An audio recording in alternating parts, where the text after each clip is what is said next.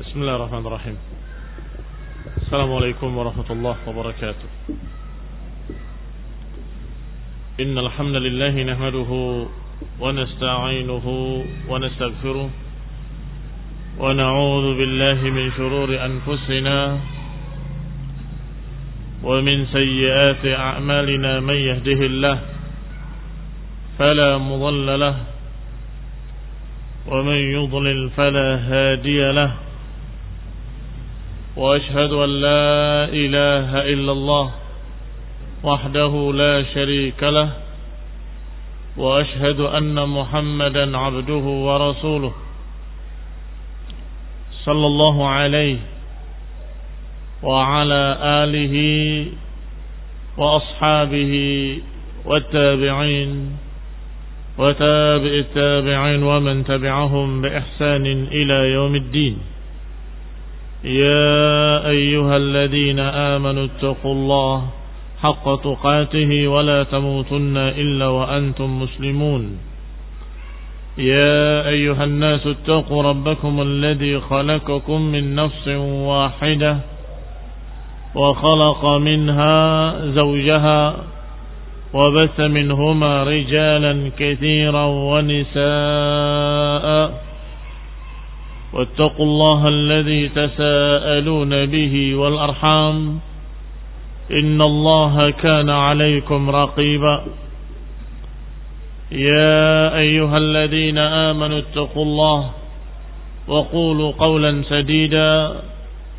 يصلح لكم أعمالكم ويكفر لكم ذنوبكم. ومن يطع الله ورسوله فقد فاز فوزا عظيما. أما بعد فإن خير الحديث كتاب الله وخير الهدي هدي محمد صلى الله عليه وعلى آله وسلم وشر الأمور محدثاتها فإن كل محدثة بدعة وكل بدعة ضلالة وكل ضلالة في النار. Ikhwani fi din, a'azakumullah. Kaum muslimin yang saya hormati.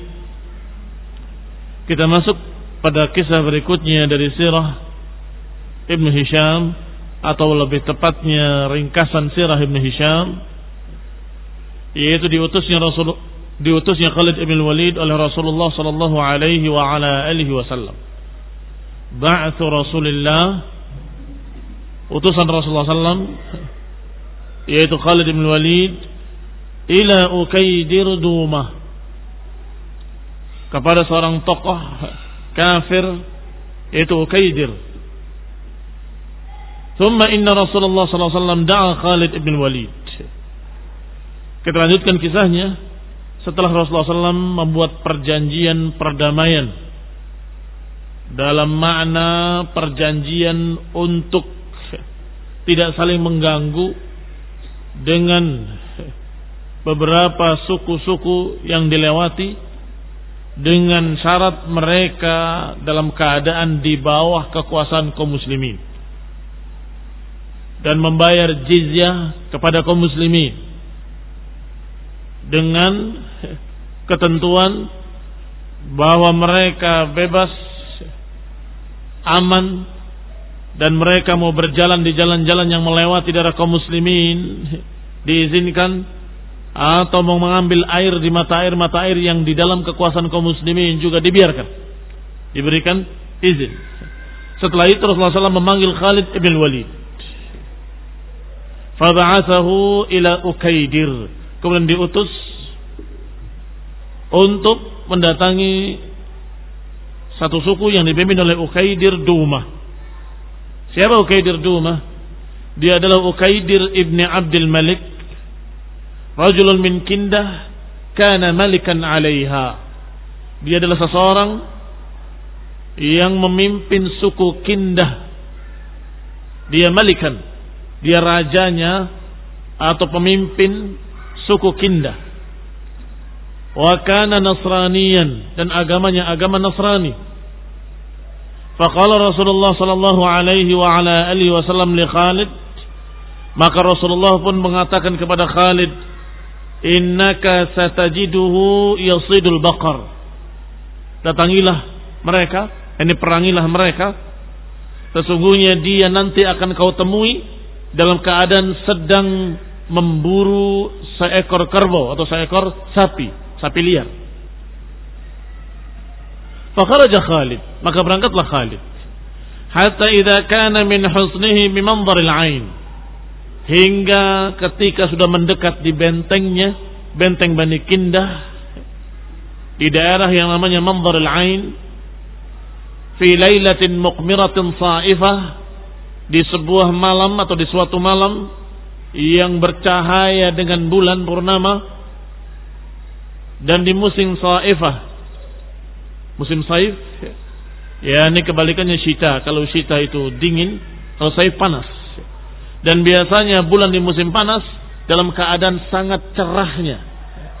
Enggak tertutup awan sedikit pun. Dan biasanya mereka di musim seperti itu ngobrolnya atau duduk-duduknya itu di malam hari. Di siang hari mereka sembunyi karena terlalu panasnya padang pasir ketika itu. Maka ketika malam hari mereka mulai ada acara ini, ada acara itu di malam hari. Maka Ukaidir tadi, Ukaidir Dumah, yaitu Ukaidir ibn Abdul Malik, pemimpin suku Kindah tadi dalam keadaan sedang duduk di satah. Satah adalah atap rumah. Sudah pernah kita sampaikan bahwa rumah-rumah mereka dulu dari dari tanah. Dan mereka untuk mengatasi musim dingin dan musim panas, mereka punya tiga tempat.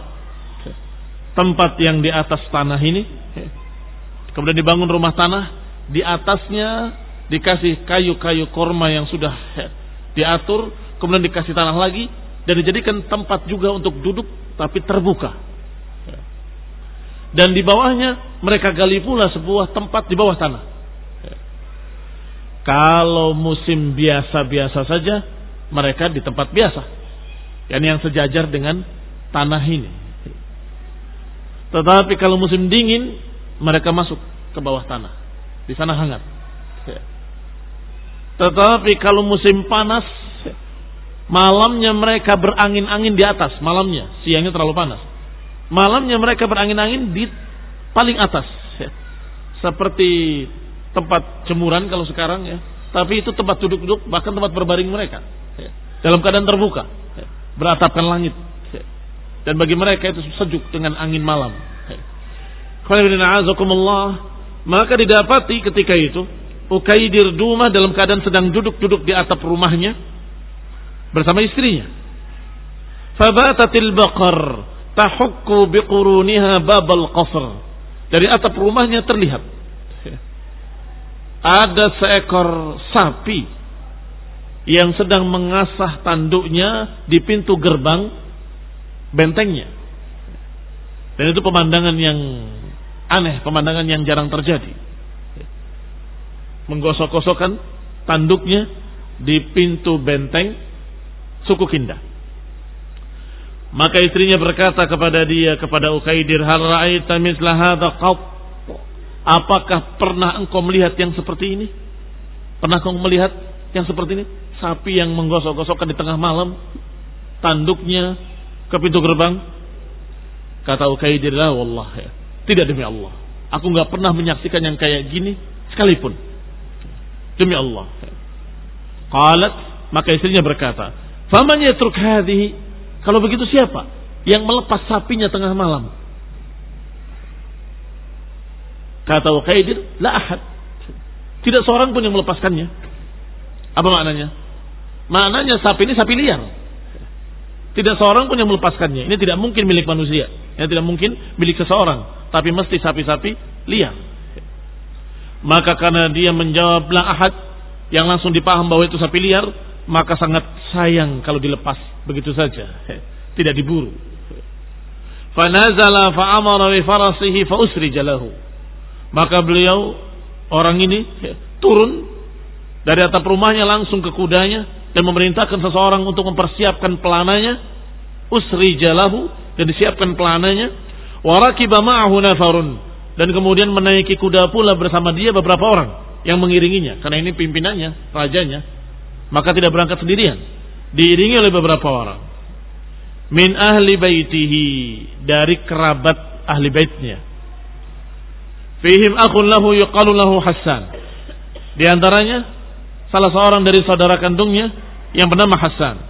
Farakiba wa kharaju ma'ahu bimataridihim. Maka keluarlah mereka dengan mataridihim. Matarid bentuk jamak dari mitrad dan dia adalah seperti tombak tapi pendek atau seperti pisau yang agak panjang dan biasa mereka pakai untuk berburu. Wa falamma kharaju talaqathum khayl.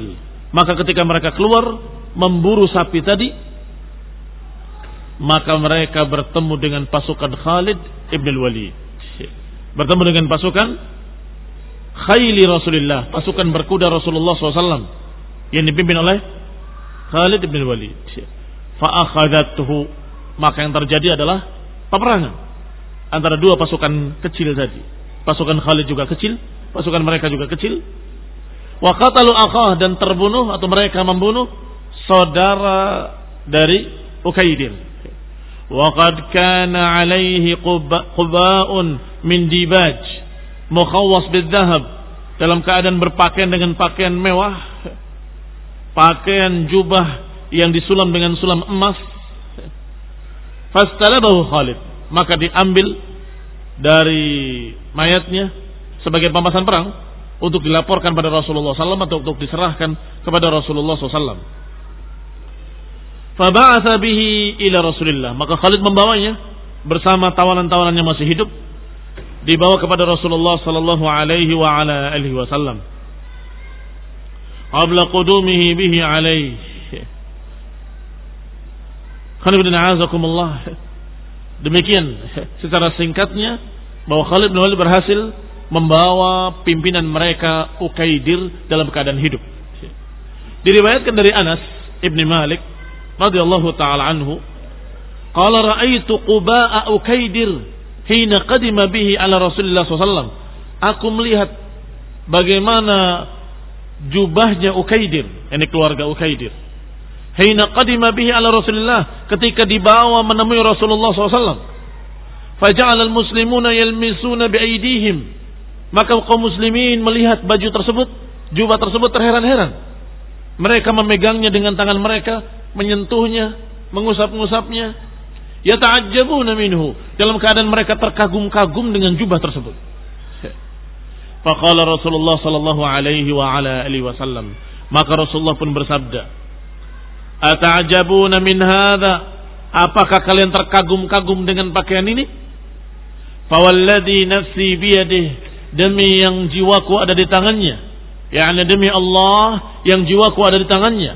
La manadilu Sa'din Ibni Mu'ad fil jannati ahsanu min hadha. Apakah kalian terkagum-kagum dengan pakaian ini? Sungguh demi Allah yang jiwaku ada di tangannya, sungguh sapu tangannya Sa'ad Ibni Mu'ad di surga ahsan min hadha, lebih bagus dari ini. Ini mengandung nasihat sekaligus mengandung berita tentang Sa'ad Ibni Mu'ad bahwa beliau min ahlil jannah, bahwa beliau termasuk penduduk surga. Tidak ada seorang pun di dunia ini yang bisa memastikan fulan fil jannah atau fulan fil nar kecuali Rasulullah sallallahu alaihi wa ala wasallam. Tidak seorang pun yang bisa memastikan si fulan di surga atau si fulan di neraka kecuali Rasulullah sallallahu Maka mereka diucapkan oleh Rasulullah sallallahu bahwa dia fil jannah, maka ini adalah berita yang pasti, berita yang hak dari Allah Subhanahu wa taala diwahyukan kepada rasulnya, dari rasul disampaikan kepada kita. Maka kalau Rasulullah SAW menyatakan Abu Bakar fil jannah, Umar fil jannah, Uthman fil jannah, Ali fil jannah, sampai 10 orang al-mubasyirin bil jannah dengan kalimat semua fil jannah fil jannah, maka kita beriman bahwa semua sahabat tadi fil jannah. Maka dalam hadis ini disebutkan la manadilu Sa'ad ibn Mu'ad fil jannah khairun min hadha. Sungguh sapu tangannya Sa'ad ibn Mu'ad di surga lebih bagus daripada pakaian ini. Artinya kalian jangan tertipu dengan dunia, jangan tertipu dengan harta dunia, pakaian-pakaian mewah dan sebagainya. Sesungguhnya surga jauh lebih hebat, jauh lebih bagus, jauh lebih indah tidak bisa dibandingkan dengan apa yang ada dunia, yang ada di dunia ini. Sehingga ini persaksian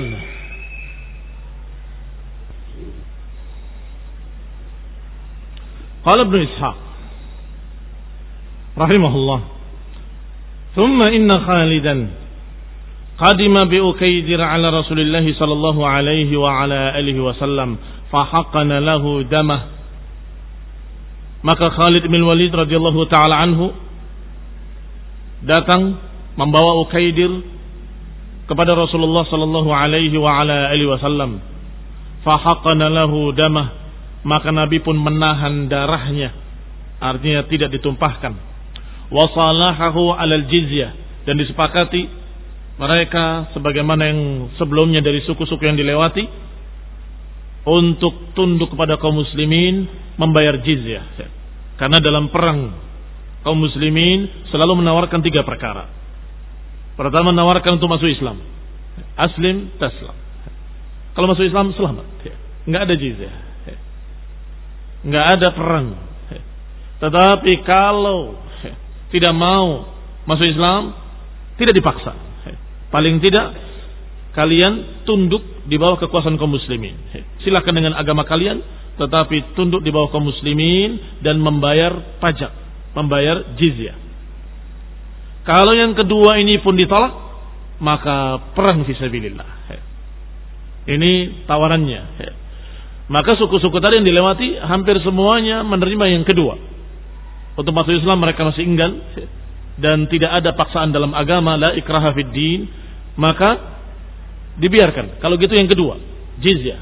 Kita akan nggak akan ganggu, kita amankan kalian dan kita bebaskan kalian untuk mengambil mata mata air kami atau mau berjalan melewati kami, kami bebaskan. Nah, maka ternyata suku Bani Kindah juga sama seperti suku-suku sebelumnya. Salahahu alal jizyah. Sepakat untuk membayar jizyah. Thumma khalla sabilahu. Kemudian dibiarkan jalannya. Yang dibebaskan.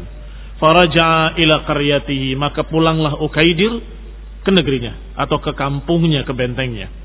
Faqama Rasulullah sallallahu alaihi wa ala alihi wasallam bi Tabuk bid'a asyrata laylah lam yujawizha maka Rasulullah sallallahu alaihi wa ala alihi wasallam tinggal di Tabuk, aqama ini muqim di Tabuk bid'a asyrata lailah, lam yujawizha. Hanya sekian belas hari saja, tidak lebih. Bid'a adalah sekian belas dari mulai 13 sampai 20 atau sampai 19. Suman sarafa qafilan ilal Madinah setelah itu beliau kembali pulang ke Madinah. Wa kana fi tariqi ma'un yakhruju min washal. Di tengah perjalanan melewati mata air yang keluar dari washal. Mata air bukan dari bumi, tetapi dari perbukitan dari batu. Sehingga airnya tidak banyak, hanya ngerembes saja itu disebut dalam bahasa Arab washal. Waw, shin dan lam. Washal. Ma yurwa raqib urakibain wa. Ini nggak bisa lebih untuk menghilangkan hausnya kecuali satu, dua atau tiga orang saja. Ini karena sedikitnya. Karena hanya merembes saja, menetes. Tidak akan bisa mencukupi kecuali kurang lebih satu dua tiga orang saja. Dan itu terletak di lembah yang dijuluki dengan lembah Wadil Musyaqqaq. Wadi Al-Musyaqqaq. Faqala Rasulullah sallallahu alaihi wasallam sebelum sampai di Wadil Musyaqqaq sudah memperingatkan. Karena mereka sudah tahu di lembah Musyaqqaq ada rembesan air tadi. Dan di sana rembesan air seperti itu sangat mahal harganya. Karena yang dilewatinya seluruhnya adalah padang pasir yang nggak ada air setetes pun. Maka Wadil Musyaqqaq dikenal oleh mereka. Di sana ada bukit-bukit yang di dalamnya merembes air menetes yang bagi mereka sangat berharga. Maka Nabi bersabda kepada mereka sebelum mencapai Wadil Musyaqqaq, "Man sabaqana ila dzalikal wadi fala yastaqiyanna minhu syai'an hatta na'tih hatta na'tihi." Kata Nabi, siapa yang lebih dulu dari kita mencapai lembah tersebut, mencapai lembah musyakkak, maka janganlah dia mengambil air sedikit pun sampai kami datang. Ini yang datang duluan, tunggu. Jangan mengambil air sedikit pun sampai rombongan seluruhnya datang. Qal dikatakan oleh Ibnu Ishaq, fasabaqahu ilaihi nafarun minal munafiqin. Ternyata yang mendahului adalah beberapa orang dari kalangan munafikin. Fastaqau ma fihi. Mereka pun segera mengambil air tadi tanpa mempedulikan ucapan Rasulullah SAW. Mereka meminumnya, mereka mengambilnya, mereka menyegarkan badan mereka. Falamma atahu Rasulullah SAW, waqafa alaihi. Falam yara fihi syai'a. Maka ketika Rasulullah SAW mencapai lembah musyakkok tersebut, Rasulullah SAW berdiri di hadapannya, dalam keadaan tidak melihat air setetes pun. Sudah habis oleh orang yang duluan. Faqala maka Nabi bersabda, "Man sabaqana ila hadzal ma?" Siapa yang mendahului kita atau siapa yang mendahului ke sini dari kita ke mata air ini? Faqila lahu maka dikatakan kepada beliau, "Ya Rasulullah fulanun wa fulan." Ya Rasulullah yang paling dulu ada si fulan dan si fulan. Faqala maka Nabi bersabda, "Awalam anhahum an yastaqu minhu syai'an hatta ati?" Bukankah aku sudah melarang mereka untuk mengambil air dari air ini sedikit pun sampai aku datang? Thumma la'anahum Rasulullah sallallahu wa alaihim. Maka Rasulullah marah dan mengucapkan doa jelek untuk mereka. Karena memang Rasulullah SAW mendapat wahyu. Rasulullah SAW tahu siapa yang mendahulunya. Yaitu para munafikin. Yang fiddarkil asfali minan nar. Thumma nazala fawada'a yadahu tahtal washal. Maka Nabi pun mendatanginya dan meletakkan tangannya di bawah washal. Faja'ala maka mulai menunggu setetes demi setetes. Faja'ala yasubbu fi yadihi ma Allahu an yasub. Maka dia tampung di airnya atau di tangannya sekehendak Allah, ya sedapatnya seberapa. Thumma dadahu bihi. Kemudian beliau membasahi mukanya dan tangannya. Dan kemudian beliau berdoa. Sallallahu alaihi wa ala alihi wasallam. Bima sya'a an yad'u bihi. Berdoa kepada Allah. Masya Allah.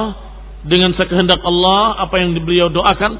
Sampai tiba-tiba in kharaqa minal ma' kama yaqulu man sami'ahu ma inna lahu hissan sawa'ik. Tiba-tiba air itu bergemuruh. Bersuara kahissa sawa'ik. Seperti gemuruhnya guntur. Bergemuruh. Fan kharaqa minal ma. Maka keluarlah air dengan banyak. Sebagaimana diucapkan oleh orang yang mendengarnya. Bahwa ada suara hissan kahissa sawa'ik. Seperti gemuruhnya guntur Fasyariban nas manusia pun seluruhnya meminumnya. Wastaqu hajatahum minhu dan semuanya mengambil hajat-hajatnya dari air. Yang punya tempat air memenuhi tempat airnya, yang punya ternaknya meminumkan ternaknya semua. Selesai cukup dalam keadaan air masih terus keluar. Ma'ana in kharaqa Walaupun kalau secara letterlek maknanya sobek atau robek. Tetapi maknanya bukan itu. Maknanya celah-celah tadi yang keluar air semakin besar. Dan keluar airnya banyak. Karena bina azakumullah. Faqala Rasulullah sallallahu alaihi wa ala alihi wasallam maka setelah mereka meminumnya mereka mengambil mengambil air secukupnya seperlu mereka maka Nabi bersabda la in baqitum aw man baqiya minkum la tasma'unna bihadzal wadi wa huwa aqsab ma baina yadayhi wa ma khalfahu kalau kalian terus hidup nanti atau siapa yang tersisa dari kalian nanti niscaya kalian akan mendengar tentang lembah ini. Lembah ini akan subur hijau. Ma baina yadayhi wa ma khalfahu apa yang di sekitarnya dan apa yang di belakangnya apa yang di depannya dan apa yang di belakangnya dan apa yang ada di sekitar lembah ini. Semuanya hijau subur. Ya ini karena air yang merupakan barakah dari doa Rasulullah sallallahu alaihi wa ala alihi wasallam. Kalau tapi sayang sekali. Munafik tidak mengerti bahwasanya mereka pun insya Allah akan minum hatta walaupun adanya cuma setetes atau secidukan tangan saja tetapi Rasulullah SAW doanya makbul didengar oleh Allah Subhanahu Wa Taala. Jangankan dari mata air yang sudah menetes dari jari-jari tangan beliau bisa keluar air sekian banyaknya. Dari jari tangan beliau. Ini mukjizat. Mukjizat Rasulullah Sallallahu Alaihi Wasallam. Walaupun yang terbesarnya adalah Al-Quran. Itu mukjizat yang terbesar. Yang terhebat adalah Al-Quran.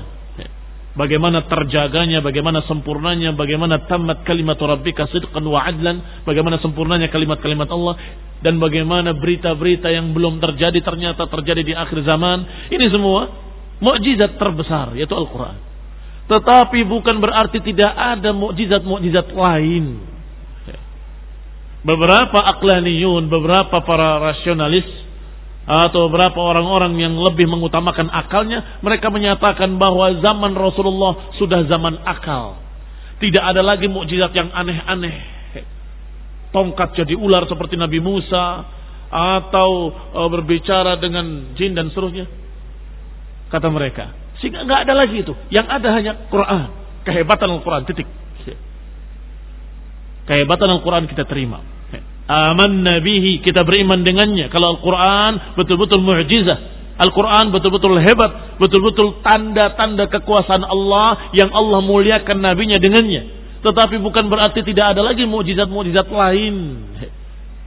Rasulullah SAW mencekik syaitan yang mengganggu salatnya. Sampai kata Nabi aku merasakan dinginnya lidah syaitan tadi di tanganku. Kalau saja bukan karena Sulaiman alaihissalam berdoa dengan doanya yang masyhur. Maka niscaya aku akan ikat di tiang masjid ini sehingga semua orang dan anak-anak kecil bisa mempermainkan dia. Mempermainkan setan tadi. Dari kalangan jin. Tetapi karena itu adalah doanya Sulaiman ya Allah berikan padaku kekuasaan yang tidak diberikan kepada orang yang sebelumnya dan tidak pula diberikan kepada yang sesudahnya sehingga di antara mukjizatnya yang seperti ini. Doanya yang dikabul oleh Allah Subhanahu wa taala atau dari jari tangannya keluar air atau bejana yang berisi susu yang kemudian didoakan oleh Rasulullah SAW dan kemudian diedarkan untuk sekian banyak manusia meminumnya tidak habis. Ini juga mukjizat. Pohon dipanggil oleh Rasulullah SAW datang. Itu juga mukjizat dan masih banyak lagi mukjizat-mukjizat Rasulullah sallallahu alaihi wa ala alihi wasallam. Kalau Ibnu Ishaq, kalau saja kita tahu wajal musyaqqaq itu di mana, bisa kita lihat buktinya. Kebenaran ucapan Rasulullah SAW bahwasanya lembah ini di masa mendatang akan subur dengan air yang terus mengalir tadi. Sallallahu alaihi wa ala alihi wasallam. Kalau Ibnu Ishaq وذكر ابن شهاب الزهري عن أبي أكيمة الليثي عن, أبي عن ابن أخي أبي رهم الغفاري أنه سمع أبا, أبا رهم كلثوم ابن الحصين وكان من أصحاب رسول الله صلى الله عليه وسلم الذين بايعوا تحت الشجرة. يقول غزوت مع رسول الله صلى الله عليه وعلى آله وسلم غزوة غزوة تبوك فسرت ذات ليلة معه. Wa nahnu bil akhbar qariban min Rasulillah sallallahu alaihi wa ala alihi wasallam. Kisah Ukaidir sudah selesai dan juga kisah bagaimana Rasulullah SAW melewati lembah yang dijuluki dengan Wadi Al-Musyaqqaq. Yang berikutnya adalah kisah seseorang sahabat sebagaimana diriwayatkan oleh Ibnu Syihab Az-Zuhri dari Ibnu Qayyim Al-Laitsi dari Ibnu Akhi Abi Ruhum Al-Ghifari bahwa dia mendengar Abu Ruhum yaitu Kulthum Ibn Al-Husain dan beliau adalah sahabat atau salah satu sahabat Rasulullah SAW radhiyallahu taala anhu. Bahkan bukan sahabat biasa, sahabat yang istimewa yang pernah berbayat tahta syajarah. Yang pernah berbayat di Bayatul Ridwan di bawah pohon. Yang berarti mendapatkan keutamaan apa? Para sahabat yang berbayat di bawah pohon mendapatkan keutamaan apa? Pertama, hadis sahih dalam kitab-kitab sahih. La yadkhulun nar ahadun bay'at tahta syajarah. Enggak akan masuk neraka seorang pun yang berbayat di bawah pohon. Berarti termasuk di antaranya beliau Abaruhum. Demikian pula dalam ayat ada keutamaan bagi mereka. Kata Allah, laqad radiyallahu 'anil mu'minin. Allah ridha kepada orang-orang mukminin. Id yubayi'unaka tahta syajarah. Ketika mereka berbayat kepadamu di bawah pohon itu. Dia juga bayat ridwan. Mendapat keridhaan dan selamat dari api neraka. La yadkhulun nar ahadun bayat tahta syajarah. Di dalam hadis dan dalam ayat laqad radiyallahu 'anil mu'minin. Allah ridha kepada orang-orang mukmin ketika mereka membayar Rasulullah SAW di bawah pohon. Idjubayi'unaka tahta asy-syajarah. Tapi kita bacakan kisahnya. Abu Ruhum menceritakan kisahnya radhiyallahu taala anhu. Ghazawtu ma'a Rasulillah ghazwat Tabu. Aku berperang bersama Rasulullah SAW dalam perang Tabu.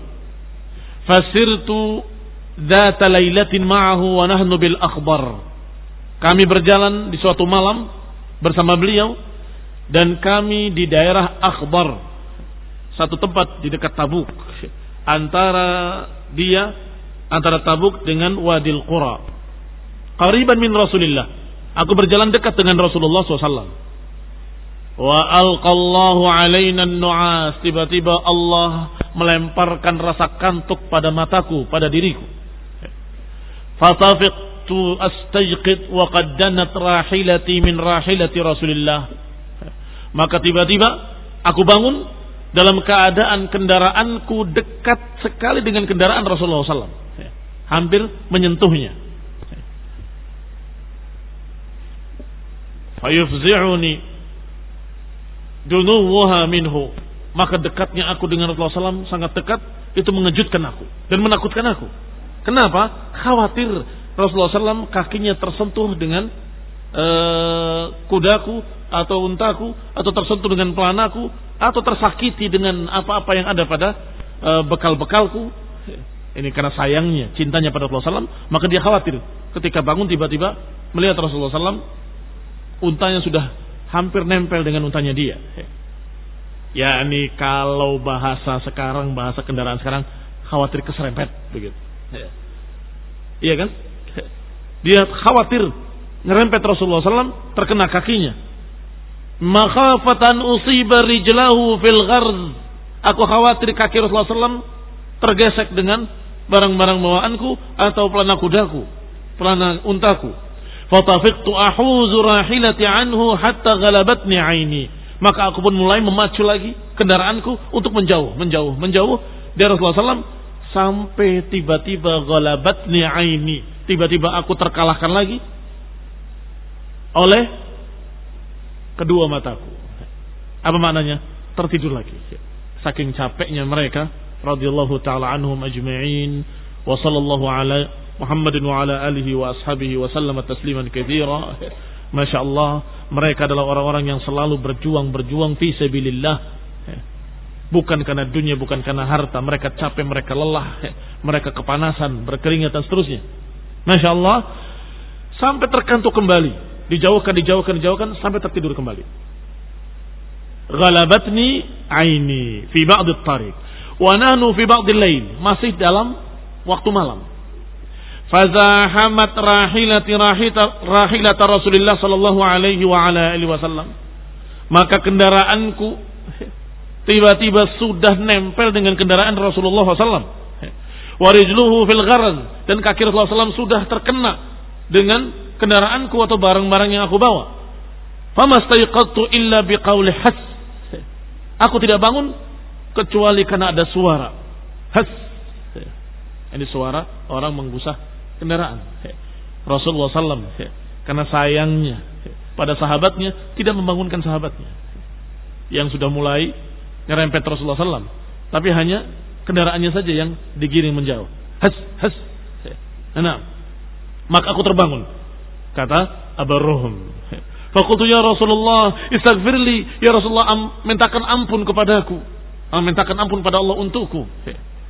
Istighfirli ini mintakan ampun untukku. Maksudnya dia merasa salah, meminta maaf dan meminta agar Rasulullah SAW mendoakan pada Allah Subhanahu wa taala agar Allah mengampuninya. Dan Rasulullah SAW tentunya menganggap yang seperti itu biasa, kecil nggak ada apa-apa, nggak ada yang perlu dipermasalahkan. Maka beliau mengatakan sir, berangkat, sir, jalanlah, jalan. Jalan di samping Rasulullah SAW, kemudian Rasulullah SAW mengajak ngobrol beliau, Abu Ruhum Sallallahu Alaihi wa ala alihi Wasallam mengajak beliau radhiyallahu taala anhu untuk berbicara. Yas'aluni amman takhallafa. Memulai pembicaraannya tentang siapa yang tertinggal dan siapa yang memang takhallafa. Takhallafa memisahkan diri dan kemudian pulang. Min Bani Ghifar dari suku Bani Ghifar misalnya atau lainnya. Faukhbirahu bihi maka faukhbiruhu bihi maka aku pun menghabarkan si fulan si fulan si fulan dari Bani Ghifar. Faqala wa huwa yas'aluni. Dan Rasulullah SAW masih bertanya lagi. Ma fa'ala an-nafar al-humr at-tiwal Al-Fitat. Apa yang dilakukan oleh kaum yang tinggi-tinggi itu? Nafar al-humur yang kulitnya warnanya merah, al-tiwal yang tinggi-tinggi, yang rambutnya sedikit. Ya ini rambut bulu-bulunya di jenggotnya sedikit, di rambutnya sedikit, alisnya juga sedikit. Ini jarang tumbuh rambut. Dan biasanya satu suku itu hampir sama. Hitam-hitam semua, merah-merah semua tinggi rata-rata tinggi semua sehingga mereka berjalan biasanya berkelompok bersuku bersuku-suku sehingga Nabi menyebutnya dengan ciri-cirinya apa yang dilakukan oleh kelompok yang merah-merah itu yang tinggi-tinggi fahadastuhu bitakallufihim maka aku sampaikan mereka takhallafu. Mereka sudah meninggalkan kita. Memisahkan diri. Qala fama fa'ala an-nafar sud al-qasar apa yang dilakukan atau apa yang terjadi pada mereka? Kelompok atau suku yang sud al qusar yang hitam-hitam pendek-pendek. Qultu wallahi ma a'rifu haula'i minna ya Rasulullah. Kata Burhum, ya Rasulullah aku tidak tahu siapa atau tidak tahu mereka dari kami. Yani ke mana mereka siap takallaf atau tidak takallaf kami nggak tahu. Qala bal alladziina lahum lahum na'amun bi syabakati syadqin. Bahkan Kelompok yang katanya memiliki unta-unta di daerah Syabakah Tasadq. Syabakah Asyadq itu nama daerah suku Bani Ghifar dan suku Bani Aslam di Hijaz. Dan suku Bani Aslam adalah juga yang suku yang terkenal. Nabi menanyakan tentang mereka. Fatadakkartuhum fi Bani Ghifar. Maka aku pun ingat kalau orang-orang tersebut ketika dikatakan sudul kesor masih tidak tahu, ditambah lagi. Yaitu yang memiliki unta-unta di daerah Syabak atau Syadah. Maka ketika diingatkan oleh Rasulullah SAW, aku ingat. Dari Bani Gifar juga, tapi dia dari suku Aslam. Walam adkuruhum hatta dzukirtu.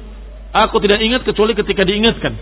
Annahum rahtun min Bani Aslam. Mereka adalah sekelompok dari suku Bani Aslam kanu hulafa afina mereka adalah suku-suku yang bergabung dengan kami kata Baruhum maka Baruhum menjawab qultu ya Rasulullah ulaika rahtun min aslam mereka adalah suku-suku dari suku aslam dan mereka hulafa afina mereka adalah suku yang bergabung dengan kami.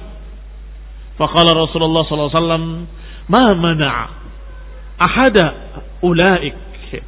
Hina takhallafa an yahmila ala ba'irin min ibilihi imra'an nasyitan fi sabilillah? Apa yang menghalangi salah seorang mereka ketika pulang? Apa yang menghalangi mereka? Untuk menjadikan untanya untuk membawa orang-orang yang semangat untuk berjihad fisabilillah masih ingat bagaimana kisah orang-orang yang dijuluki dengan bakkaun Ah, siapa bakaun? Dari kata apa bakaun? Buka. Orang-orang yang menangis. Yang Allah katakan tawallaw wa a'yunuhum tafidu minad dam'i. Orang-orang yang berpaling pulang dalam keadaan sedih, menangis karena tidak ada kendaraan yang bisa membawa mereka. Masih ingat kan? Artinya banyak mereka yang semangat jihad fisabilillah ingin berangkat gak punya kendaraan. Tetapi ini yang punya kendaraan di tengah jalan pulang. Sayang toh. Kata Nabi, apa yang menghalangi mereka untuk menjadikan unta-unta mereka, kendaraan-kendaraan mereka membawa orang-orang yang semangat jihad tadi untuk berangkat? Apa yang menghalangi mereka? Apa susahnya? Apa beratnya? Kalau mereka nggak mau berangkat, paling tidak untanya bisa dipakai orang lain. Lihat ikhwanudina azakumullah. Sedihnya Rasulullah SAW dengan mereka-mereka yang pulang dalam keadaan kendaraan-kendaraan mereka punya bekal mereka mampu.